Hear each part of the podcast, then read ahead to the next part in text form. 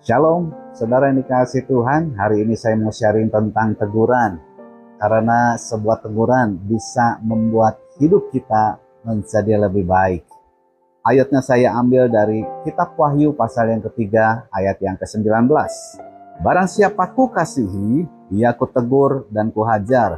Sebab itu relakanlah hatimu dan bertobatlah. Kenapa seseorang menerima teguran?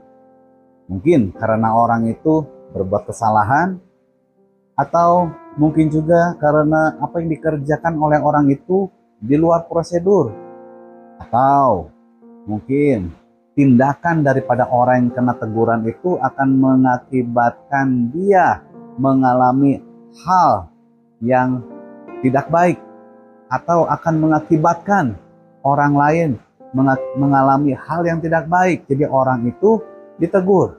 Nah, kenapa orang menegur kita? Karena orang yang menegur kita mengasihi kita pastinya. Dan dia ingin supaya hidup kita berubah. Demikian juga sebaliknya. Kenapa kita menegur anak kita ketika mereka melakukan kesalahan? Kenapa kita menegur anak kita ketika mereka nakal? Dan waktu kita lihat Kenakalan mereka bisa membuat mereka celaka, kenakalan mereka bisa membuat mereka sakit, kenakalan mereka membahayakan mereka. Karena itulah kita tegur mereka, karena kita mengasihi mereka, karena kita tidak ingin mereka mengalami sakit atau celaka. Itulah yang terjadi di dalam kehidupan kita, saudara yang dikasih Tuhan Kenapa Tuhan tegur kita? Tuhan tegur kita karena mungkin kita melakukan hal yang salah, yang tidak sesuai dengan kebenaran firman Tuhan, atau hal yang tidak berkenan di hati Tuhan. Karena itulah Tuhan tegur kita.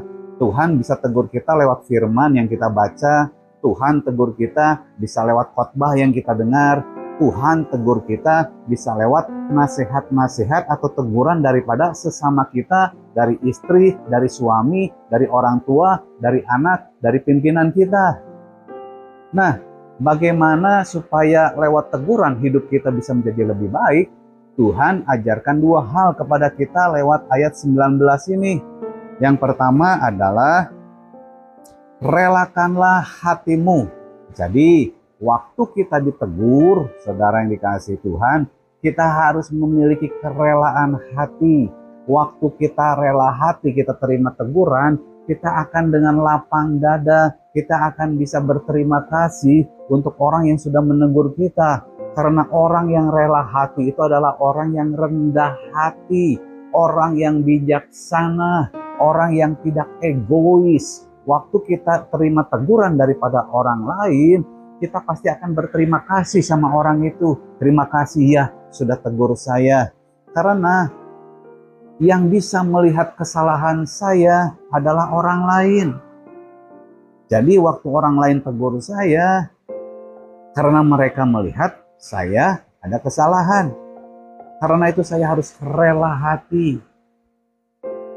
Orang yang rela hati terima teguran, dia akan terima teguran dengan hati penuh pengucapan syukur. Yang kedua, yang bisa membuat orang berubah lewat teguran adalah bertobatlah. Jadi bukan hanya mendengar dan kita renungkan saja. Ketika kita mendengar teguran daripada orang lain dan kita renungkan saja, tanpa ada action dalam kehidupan kita, tanpa ada pertobatan, tanpa ada perubahan, maka hidup kita juga nggak akan berubah. Kesalahan kita juga nggak akan berubah tetapi waktu kita mengambil langkah selanjutnya, yaitu bertobat, meninggalkan kesalahan-kesalahan kita, kita akan mengalami perubahan hidup ke arah yang lebih baik. Jadi nasihat firman Tuhan siang hari ini dalam hidup kita, waktu kita ditegur. Yang pertama, relakan hati kita. Ucapkan terima kasih kepada orang-orang yang tegur kita Terima kasih karena tujuan mereka baik supaya hidup kita berubah, supaya kita sadar akan kesalahan kita. Saudara yang dikasih Tuhan. Ya, yang kedua bagaimana supaya kita bisa berubah lewat teguran, bertobat. Jadi waktu kita terima teguran, kita rela hati, kita ucapan terima kasih, kemudian kita renungkan teguran itu dan kita bertobat dari kesalahan kita. Kita berubah. Apa yang kita lakukan yang salah, kita tinggalkan itu semua. Kita jangan lagi melakukan hal yang sama lewat pertobatan kita melakukan action, kita berubah. Mungkin kata-kata kita, mungkin perbuatan kita, mungkin sikap kita. Lewat pertobatan, kita mengalami perubahan. Amin, saudara yang dikasih Tuhan.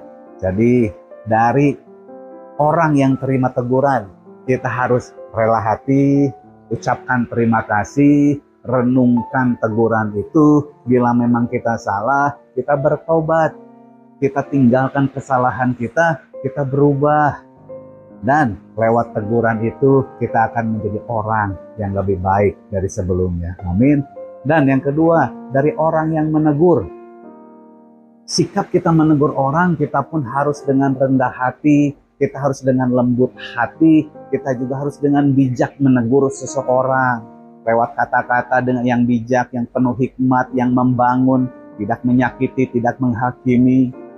Tentu alasan yang kedua kita menegur seseorang juga kita harus dengan dasar kasih, kita mengasihi orang tersebut. Amin, saudara dikasih Tuhan, lewat teguran kita bisa berubah menjadi orang yang lebih baik. Amin. Tuhan Yesus memberkati kita semua.